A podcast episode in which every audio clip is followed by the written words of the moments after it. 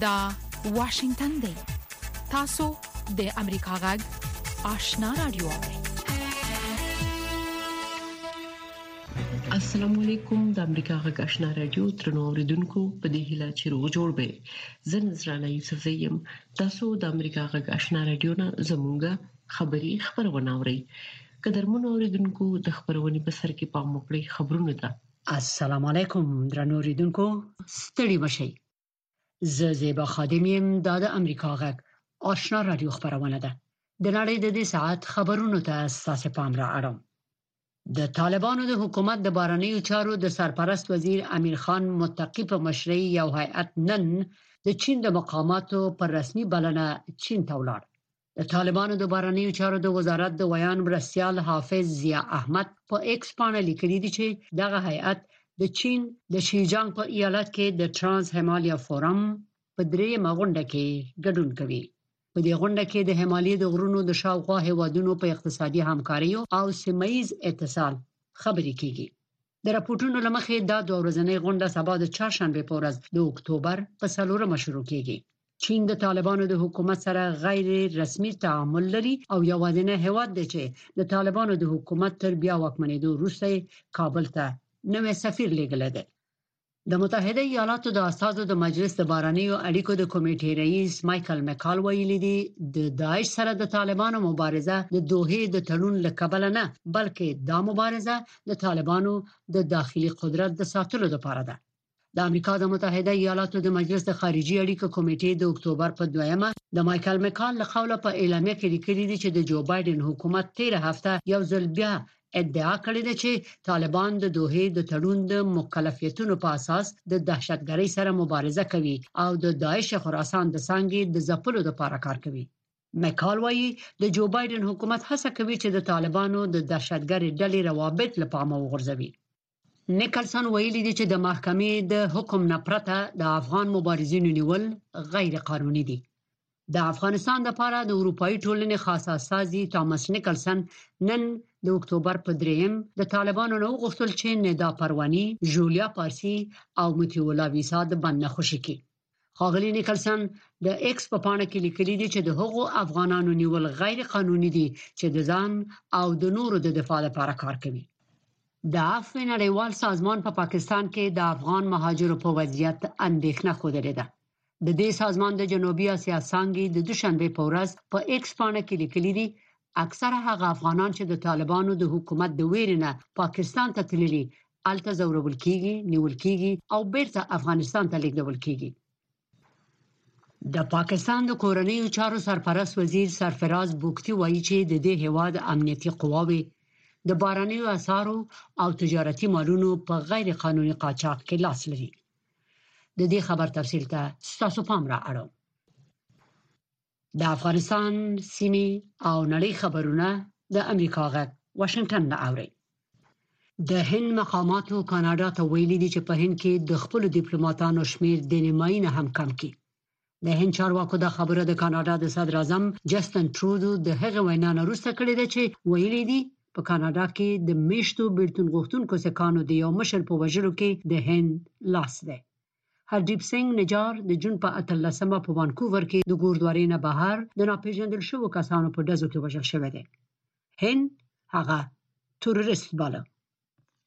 د رویټرز آژانس د اکتوبر په دویمه د ایران د دولتي خبري مطبوعاتو له قوله خبر ورکړی دی چې د ایران ستر مشر ایت الله علي خامنه ايي وايي، هغه هیوادونه چې د اسرایل سره د اړیکو د عادي کېدو هڅه کوي د دې معنی لري لکه سړی چې په یو داسې آس شرط تړي چې لوبه یې بایللې وي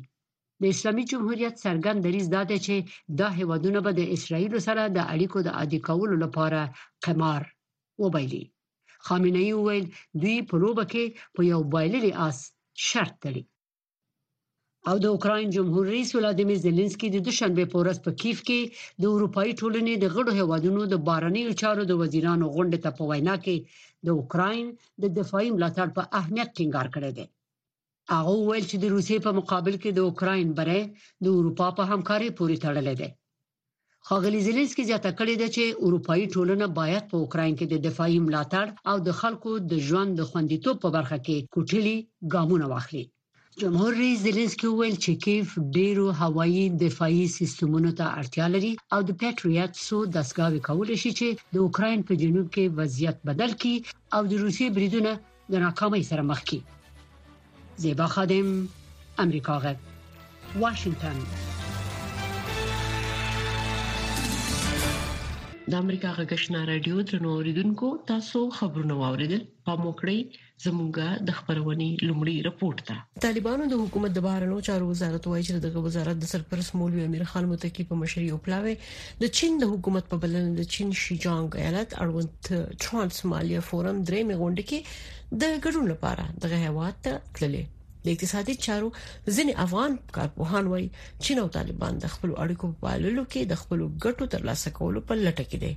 اکرام شنواری رپورټ را لګلې طالبانو د حکومت د بهرنی چارو وزارت وی چې دغه وزارت د سرپرست مولوی امیر خان متکی په مشرۍ یو پلاوی د چین د حکومت په بلنه د چین شي جانګ ایالت اړوند د ترانس هیمالیا فورم دریمه غونډه کې د ګډون لپاره دغه هیواد ته تللی دی د دغه وزارت مرستیال ویاند زی احمد تکل د سې شنبې په ورځ د ایکس په ټولنیزه شبکه کې په خپل پاڼه لیکلي چې د خاغلی متکی په مشرۍ دا پلاوی د چین په رسمي بلنه په دغه غونډه کې برخه اخلي ښاغلي تکل ویلي په دغه فورم کې د هیمالیا د غرونو شاوخوا هیوادونو ترمنځ پر اقتصادي همکارۍ او سیمه ییز اتصال او ایډیولوژیکي بدلونونو باندې بحثونه کیږي د بهرنی چارو وزیر او مل پلاوی به د دې فورم په څنګ کې د چین د جمهوریت د بهرنی چارو او نورو هیوادو له استازو سره دوه اړخیزې غونډې هم ولري د طالبان حکومت دا او پلاوی په داسې حال کې د ترانس هیمالیا فورم غونډه کې ګډون کوي چې دغه حکومت د بهرنی چارو وزارت سرپرست په مشرۍ او پلاوی د تیر جمعې په ورځ د روسیې د فدراسیون د تاتاریستان د جمهوریت د کازان په ښار کې د مسکو پرمټ پنځمې غونډې ته په وینا کې د چین د حکومت څخه د دې لامل مننه کړې و چې چین د طالبان حکومت ته نوې سفیر استولې دي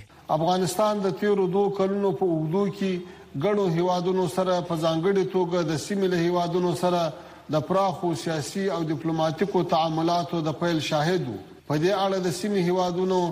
ډېر مخکښ وو چې مننه یې کوو. دا د افغانستان او سیمې نړۍ ترمنځ د دیپلوماتیکو اړیکو نوی فصل بولو، د بېلګې په توګه د چین ولسي جمهوریت،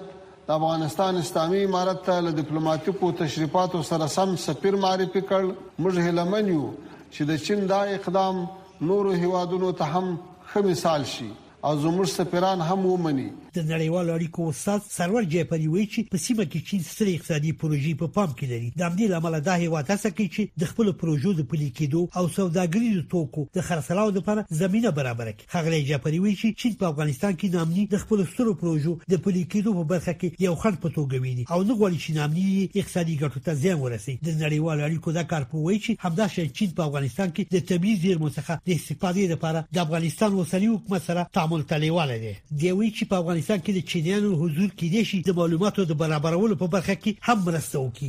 وجود چینایه ها در درون افغانستان میتونه اشراف معلوماتی برایشان خلق بکنه و یک مقدار بر داده های امنیتی و تعاملات امنیتی که در درون افغانستان اتفاق میفته اشراف داشته باشه به نظر میرسه این دو مورد از راهبرد اساسی چینای ها در درون افغانستان باشد و این دو مورد را به صورت بسیار جدی تعقیب بکنه تیوی د طالبانو د حکومت لپاره د چین اړیکې تر ډیره لنډمهاله موده کې د رسمیت پیژندو ترڅنګ اقتصادي ګټو لپاره اهمیت لري او د همدې له امله د دغو اړیکو څخه ګټه اخلي کړي د نړیوال اړیکو یو بل کارپو طارق برهادي وایي چې چین ته د خاغلی متکی سفر د افغانستان لپاره یو مثبت قدم دی ځکه چې د د په نظر د دې خطر شته چې افغانستان به په بشپړ ډول د انزوا سره مخ شي به خاطر کې اول خطر زیادی است که افغانستان بیخی در یک انزوا بره در این انزوایی که میره تمام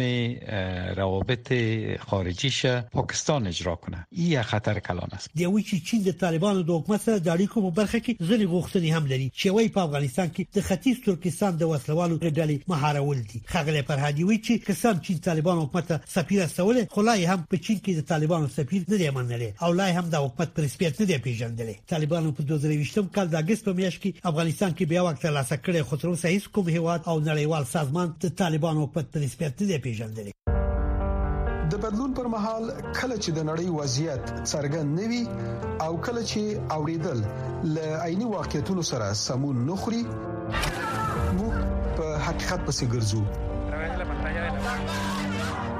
کله چې موږ ته د یو موضوع یوازې یو اړخ بیانېږي نو باور بایلو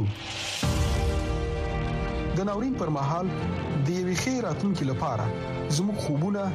تم یو هلي پر آزادو مطبوعاتو تکیوي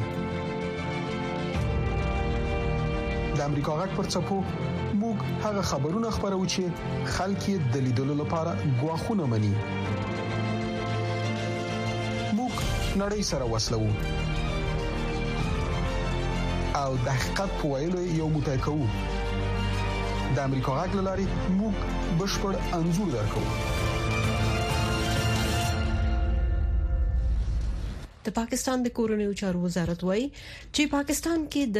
سلیر شو ترګریزو بریدونو نه سوار لسی افغانانو ته سره کړی دي د کورنیو چارو وزیر سرفراز بوګټي خبرداري ورکړه چې ټول غیر قانوني کډوال دي تراتلونکو میاشتو د غواده ووزي همدغه شان د پاکستان فدرالي حکومت هم خپل پوله ساتونکو ته لارښوونه کړې چې د نومبر میاشتې له پیل نه افغان بغیر له پاسپورت او ویزې په بل هیڅ سند دغه هوا ته سفر نشي کولای نور حال په دې رپورت کې د پاکستان د کورنیو چارو وزیر سرفراز بوکتی وایي چې په پاکستان کې لڅلويشتو ترهګریزو بریدونو 14 افغانانو تر سره کړی دي نوموړي ویلي چې ټول غیر قانوني کډوال باید د نومبر تر لومړۍ نېټې له پاکستانه ووځي که نه په زور به وشړل شي. هغه زیاته کړه چې اوسمهال په پاکستان کې شاوخوا یو اعشاریه درې اویا میلیونه افغانان د اوسېدو قانوني اسناد نه لري. د پاکستان آرمي چیف په مشرۍ کې د ایپکس کمېټۍ یو میټینګ شوی دی. د سکیورټي الاتو په نظر کې او په دې کې دا پریکړه شوې ده چې په ټول غیر ملکی چې کوم کډوال دي هغه به وباسل کړي په همدې حال کې امریکا غږ هغه رسمي مکتوب هم لیدلی چې د پاکستان فدرالي حکومت پکې پولیساتو ته لارښوونه کړې چې د راتلونکي نومبر میاشتې له پیله ټول افغانان چې پاکستان ته د تګ تکل لري باید پاسپورټ او ویزه ولري. په دې سره به تر پېړۍ پخوانۍ هغه ازادي پای ته ورسېږي چې د ډیورنډ کرښې ته څېرمه قبایل به بې له اسنادو او یا یوازې په پېژند پاڼه د کرښې یوې بلې خوا ته تګ راتګ کاوه. پاسپورټونه لازم کول، ویزې لازم کول دا ډېر د ریاستونو د ولسونو تر منځ کرکې منځ ته راوړي، باید چې داسې پرېکړې ونشي، داسې پالیسیانې خپلې نه کړي چې د هغې په نتیجه کې د ولسونو ترمنځ کرکې راشي. له بل پلوه په پاکستان کې د افغان کډوالو پر ځورولو د بخښنې نړیوال سازمان یو ځل بیا اندېښنه څرګنده کړې ده. د دغه سازمان د جنوبي اسیا څانګې پر خپل ایکس پاڼه لیکلي، چې اکثره افغانان چې د طالبانو د حکومت له وېرې پاکستان ته تللي، هلته ځورول کېږي، نیول کېږي او افغانستان ته ستنېږي. د امنیسټي انټرنشنل دغه خبره بیخی په ځای ده چی دلته دغه د کراچۍ نه چی کوم رپورټس راځي یا د نورو ښارونو نه د پاکستان د افغان مهاجرین چې هغه دلته کډوال دي پاکستان کې دا غوي سره چې کم چلند د ریاست هغه د نړیوال چې کم قانوني چلند دی او کوم اخلاقي نړیوال معیارونه دي د هغې مطابق نه ښکاري ما ته داسې ښکاري چې پاکستان د خپل اوټ اف فرستریشن هغه چې مونږه په انګریزي کې ورته وایو چې یو ریډ هرینګ را جوړول دي د خلکو پام اړول دي د بخښنې نړیوال سازمان د خپل اندېښنو ترڅنګ پر نړیوالو هم نیوکه کړې چې دې ستونزې ته یې هیڅ پاملرنه نه ده کړې. یو این ایچ سي آر یا نورې د نړۍ موسولینې اداروس افغان مهاجرین غواړې چې د دوی وه وضعیت ته دې کتنه وسي، دوی ته دې هغه ونه حق ورکول سي لکه څونه چې د دنیا په هر ملک کې و یو مهاجر ته ورکول کیږي او د دوی د هومین رایټس ریسپیکټ دې وسي په پاکستان کې. په همدې حال کې د طالبانو او پاکستان د بهرنیو چارو وزیران په یوې غونډه کې د ګډون په موخه چین ته رسیدلي چې د کتونکو په وینا تمه کیږي چې پر یادو مسایلو هم تمرکز وکړي احسان الله ریوزی امریکا غږ واشنگتن امریکا یو له هغو هیوادونو څخه چې د نړۍ له ګوټ ګوټ څخه د بیلابیلو کلتورونو، دودونو، ملیتونو او ارزښتونو کوربه دی. په امریکا کې ژوند او دلته مهاجرت کول لکه د نورو هیوادونو په څیر خپلې ښېګڼې او سختۍ لري ځینې خلک په خپل هڅو او له فرصتونو نه په ګټې اخیستو خپل هیلو ته رسیږي خو ځینې نور بیا له ستونزو سره مخ کیږي ژوند په امریکا کې هر جمعه د افغانستان په وخت د مازیګر له شپږو نه تر شپږ نیمو بجو او د ختیځ امریکا په وخت د سهار له نهه نیمو تر سوبجو په ناګورنو قرهباغ کې د ارمنیانو نږدې ټول نفوس ارمنستان ته کډوال شوی دی او د ارتسها د ځانبلیل جمهوریت د یو وخت اوسیدونکو ټول بې ځای شوی دی د ارمنستان پولیس ته نږدې د اشخانسار او کورندوزور اکثره خلک یې لري چې هغه جګړه چې دوی بې ځای کړې دي لا ختمه نه ده دا په 2000 شلم کال کې د سټیپناکرت ښار دی. دا تر تېرې اونۍ پورې د اذربایجان په نړیواله کچه پېژندل شوي سرحدونو کې د ارمینیايي اکثریت توکمیز ملت د ارتسخ اعلان شوی جمهوریت و. ارمنستان او اذربایجان د لسیزو راهیسې د دې سیمې په سر سختې جګړې کړې دي چې د ناګورنو کرباغ یا د کرباغ سیمې په نوم مشهوره ده او تېره اونۍ د سپټمبر په میاشت کې د یو سخت برید وروسته اذربایجان وګټله د هغې نه پس د یو لکو نه ډیر اوسیدونکو نږدې ټول ارمینیان ارمنستان ته کډوال شوي دي. زه همداسې راغلم ما حتی لا خپل کالي نه دي بدل کړي ما حتی بستر هم نه دی اخیستی هیڅ هم نه ما خپل موټر هلته پریښودی دی. هغه خلک چې ناګورنو قرهباغ یې پریښود هغوی له دې نه مخکې چې په ټول هیواد کې خپاره شي د ارمنستان په سرحدي ښارونو کې ودرول شول اکثره یې د هېواد کلیوالو سیمو ته لاړل، نورو د دې یرې چې د اذربایجان او ارمنستان جګړه به یو ځلې بیا وشي، په سرحدي کلو کې د وړیا کورونو وړاندیزونه رد کړل. هغوی ډزې کولې او کروندې په هر ځای کې سوځیدلې وې، یوه مرمۍ ولویده او چاودنه وشوه. د آذربایجان چارواکي ځینې وختونه د ارمنستان دغه برخه د آذربایجان د تاریخي ځمکو برخه بولي چې د ارمنستاني چارواکو غوسه راپاروي او حتی تنکي ځوانان د ممکنه جګړې د تیاري لپاره په دې سیمه کې نظامی روزنه کوي خو هغه کورنۍ چې په دې ورستیو کې د خپل کورونو تختیدلې هم د ارمنستان حکومت او د روسیې سوله ساتونکي عسکر تورنوي چې د دوی دفاع یې ونه کړه. ما ته د ارتساخ په اړه دا معلومه ده چې زما دوه اوښي، زما مېړه او زما ورور د دې خاورې لپاره جنګ ته لاړل او بیا ارمنیانو دا ځمکه پرته له کوم جنګه ورکړه. دلته پاتې شوي پخواني اوسیدونکي وایي چې دا یوازې د ملکیتونو خبره نه ده، دوی خپل کلتوري میراثونه، د مور او پلار قبرونه او د خپل هیواد خوبونه پریښودل. ما خپل ماشومتوب هلته تیر کړ. ما تر اوسه پورې خپل ژوند هلته تیر کړی دی. دا زما د نیکونو او زما د وطن د اوبو ځای دی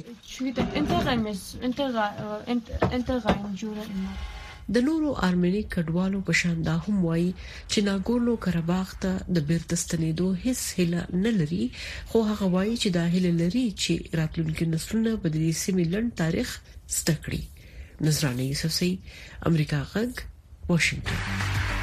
طالبانو د افغانستان له دننه د امریکا غږ راډیو خبرونه درولې دي خو امریکا غږ په پوره ژمنتیا خپل افغان اوریدونکو ته په پښتو او دری ژبه د کاره باوري او هررخیزو خبرونو په خبرولو د افغانستان له بهره په 902 کیلو هرتز منځنوي سپو خپل خبرونه ته دوام ورکړي د دې ترڅنګ تاسو کولی شئ چې زموږ پښتو خبرونه په لاندو ټکو هم واورئ پښتو سهارنې خبری خبرونه پر وزارت 290.0 ټکو اوریدل شي ما خبرنې پښتو خبرونه په 2040.0 2015.0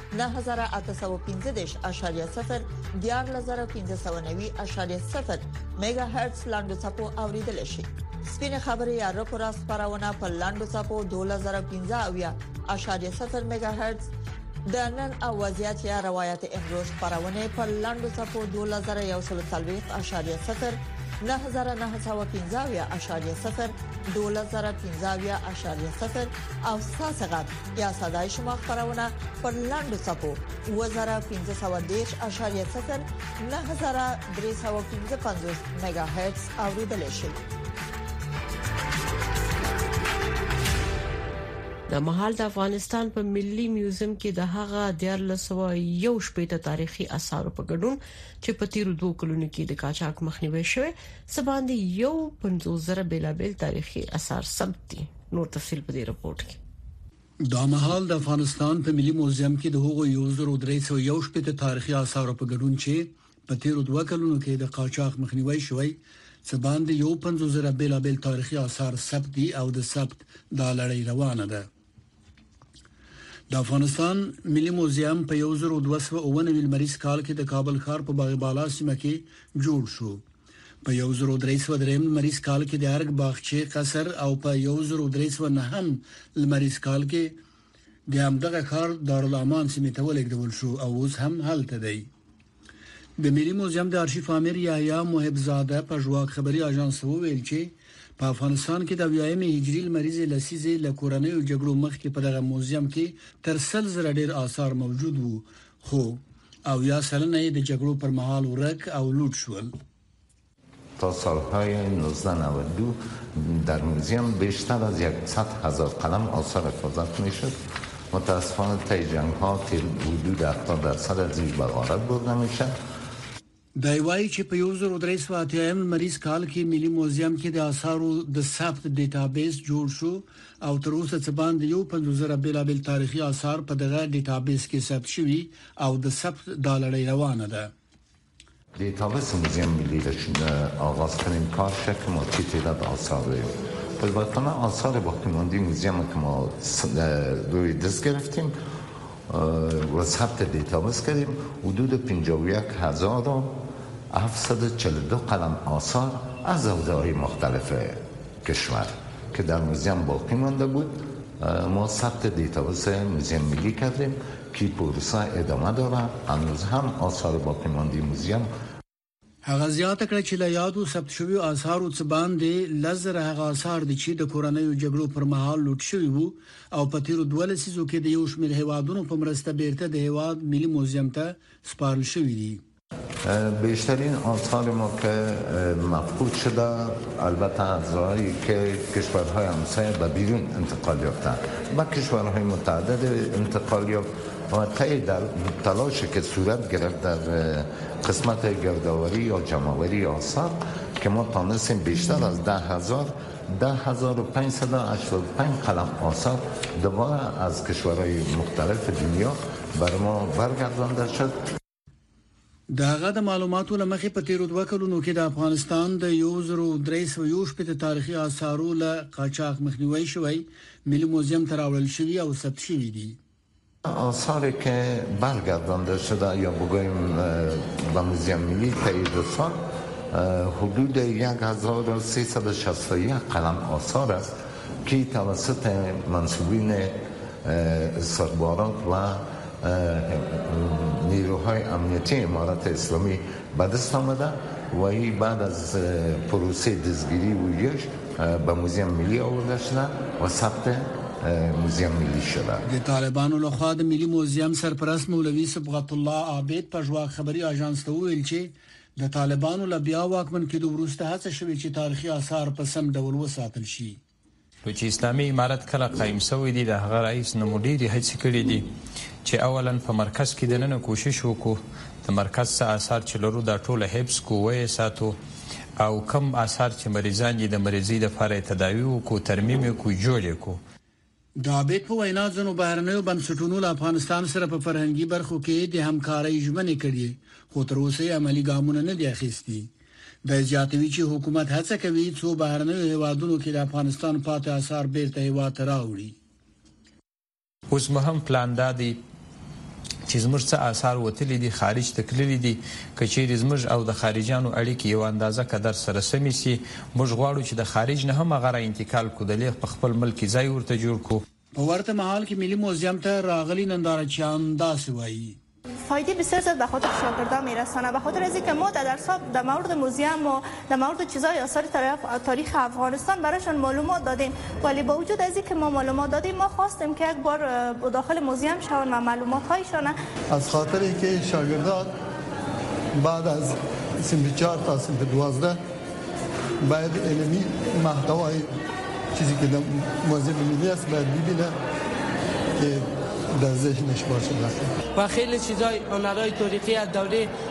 غزنویان بود و سلسله شاهان بود و خیلی چیزای قدیمی بود یک اثرش هست که قرآن شریف در زیر نوشته کده و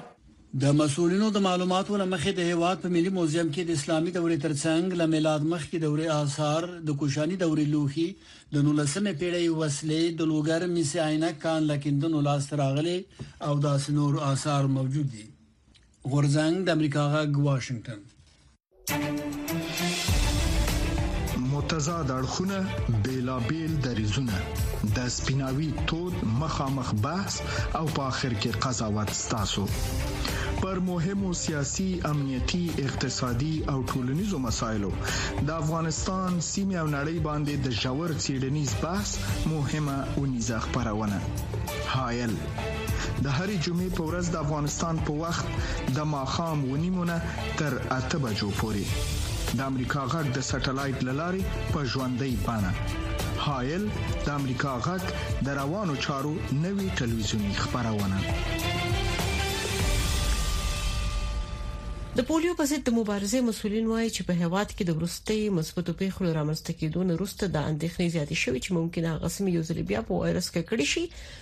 چې د ډیر کار په پایله کې د ګوزن وایرس نه پاک اعلان شوی وي په ختیځ ننګرهار ولایت کې د پولیو شپږ مثبتې پیښې یو په بل پسې ثبت شوې چې ورسره سم په افغانستان کې د دې ناروغۍ په اړه جدي اندېښنې را پیدا شوې تر ختیځ وروسته په جنوبي ولایتونو کې هم له پاکستان سره زیات تګ راتګ شته دغه راز هم زیات شمېر ماشومان په دې سیمه کې له کلونو راهیسې له واکسین څخه محرومه پاتې شوې جنوبي حوزه کې د پولیو پر ضد مبارزې حوزوي اداره وایي چې کورنۍ او ټولنه باید د پولیو وروستۍ پیښې جدي وګڼي او د هر ماشوم وقایع ته پاملرنه وکړي د نوموړې ادارې یو مسول ډاکټر صدیق الله پتیال وایي چې په ختیځ کې د پولیو پیښو ثابته کړه چې که وایروس په یوه سیمه کې هم موجود وي ګواښ د ټول هیواد لپاره دی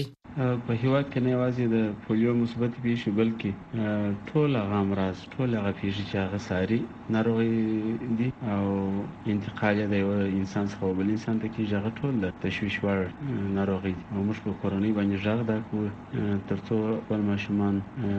ته زیاته توجه وکړي چې د امراض انتقال ډیر زیات دی دا ډیر د خطر وړ په افغانستان کې د پولیو له پروګرام سره مالي مرسته کوونکې اداره یونیسیف وایي چې لا هم د پولیو ناروغي د افغان ماشومانو روغتیا لپاره یوه جدي روغتیايي ستونزه ده چې دوی له خپل اړخه په دې برخه کې هره هڅه کوي. د نوموړې ادارې ویاند سید کمال شاه وایي چې په ننګرهار کې د پولیو پیښې د افغانستان هر سیمې ته د خطر زنګ دی. دا چې افغانستان د پولیو لپاره یو انډمیک هیواد دی، په روان کال کې د پولیو پیښې هم پکې رامنځته شوې دي، نو طبعا تر هغه وخته چې د دې وایرس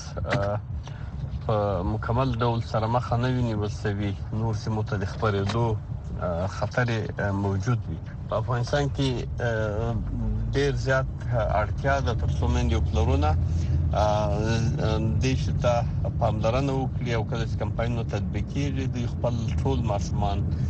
د هر کمپاین په ترڅ کې واکسین کړي ترڅو دا شته خطر په مکمل ډول سره له افغانستانه ورک شي. دا مهال په جنوبي ولایتونو کې د هېواد د نورو برخو په پرتله توده هوا ده چې د روغتیاپالانو په وینا له همدې کبله پولیو وایروس په چټکۍ سره د خپرېدو وړ ده. دوی ټینګار کوي چې د کمپاینونو او دغه راز په روغتیايي مرکزونو کې کورنۍ باید په شرایطو برابر ماشومان د ګوزړ پر ضد واکسین کړي.